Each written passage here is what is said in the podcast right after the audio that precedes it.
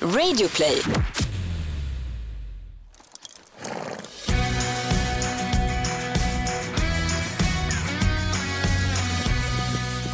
Det här är Ridklubben inför säsong två. Jag heter Gry Forssell. Och jag heter Rebecka Lagin. Och just nu så ses vi i det härligt stökiga som det ska vara stallkontoret på ridskolan som din mamma har. Min mammas kontor. När jag städar henne då är hon galen för hon hittar ingenting. Men när det ser ut så här, alltså papper överallt, då hittar hon allt. Perfekt. Om det är ett konstigt pipande i bakgrunden så är det en dator. Den piper, det är bara så. Exakt. Ni får stå ut med det. Och Bosse. Och så är det Bosse som är och trasslar. Och så sitter din son Oliver och pysslar med något annat. Så att det är som det brukar vara helt enkelt i stalllivet. Exakt. Lite Alla här- får vara med. Lite härligt rörigt stökigt.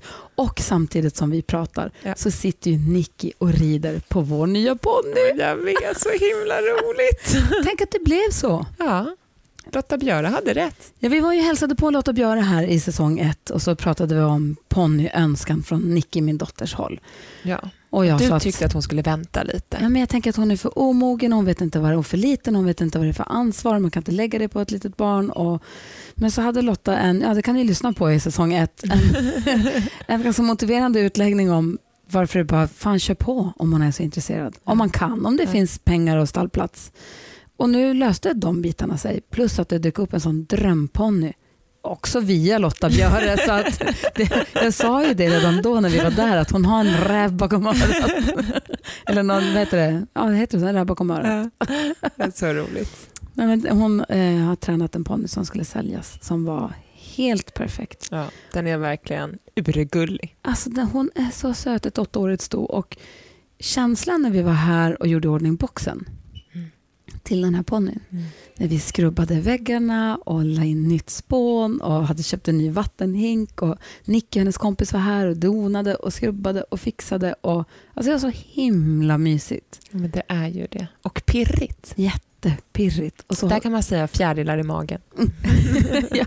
och så lånade vi din buss och så åkte vi iväg till Flen och hämtade henne. Och det var också ett sånt oerhört ögonblick faktiskt.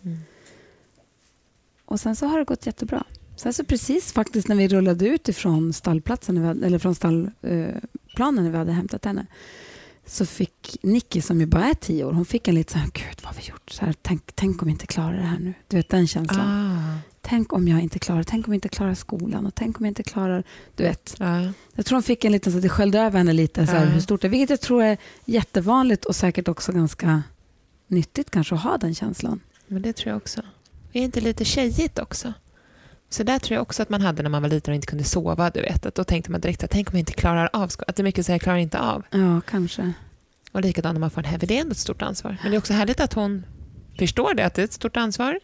Men samtidigt så är hon ju också bara tio år, så man Ja. Mm. får ju hjälpa dem lite så att det inte blir för jobbigt. Och så pratade vi om det och så, och hela vägen hem och så pratade vi om hur att jag kommer, vi kommer hjälpas åt. Det är hennes ponny, men vi Mm. kommer hjälpas åt. Och vi, kommer få hjälp, vi kommer ta hjälp härifrån stallet också. Och så där, så att jag tror att det peppar peppar. En vecka är bort imorgon, så att än så länge känns det toppen och hästen sköter sig så himla bra. Ja, det gör hon Jättekul. verkligen. Hon är så lugn. Och vad är det för status för dig? Jo, men... eh, Du var ju gravid sist. Exakt. Ingen bebis kvar i magen. Hon har kommit ut äntligen.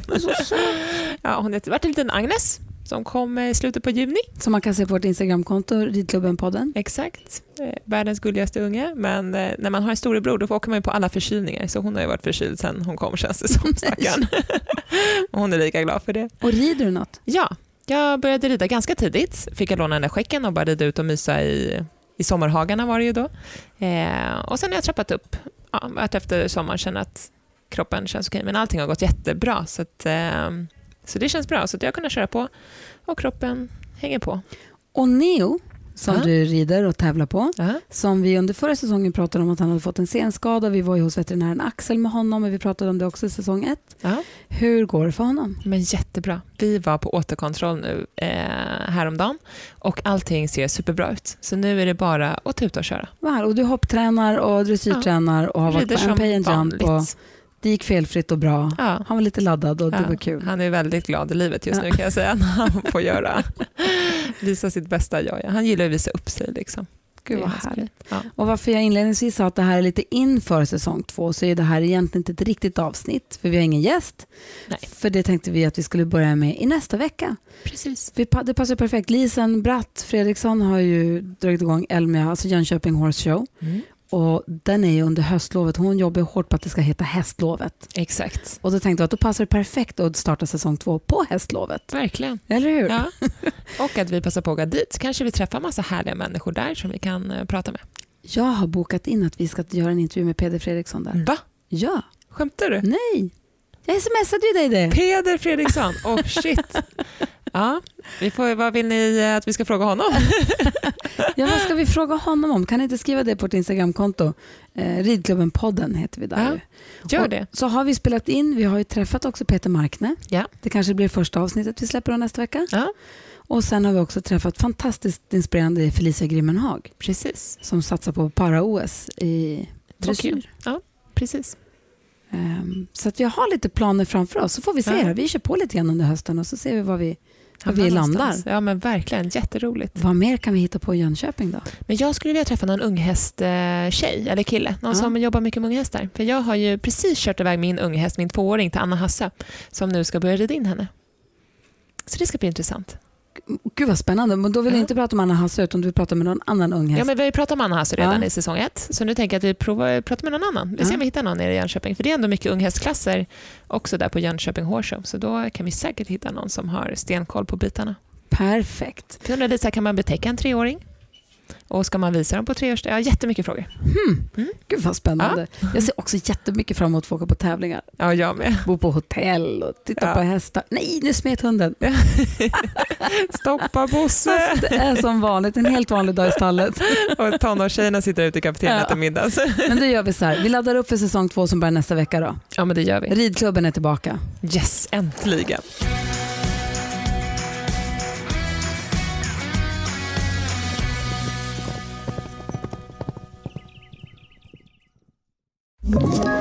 Ett poddtips från Podplay. I podden Något Kaiko garanterar östgötarna Brutti och jag, Davva, dig en stor dos skratt. Där följer jag pladask för köttätandet igen. Man är lite som en jävla vampyr. Man har fått lite blodsmak och då måste man ha mer. Udda spaningar, fängslande anekdoter och en och annan arg rant.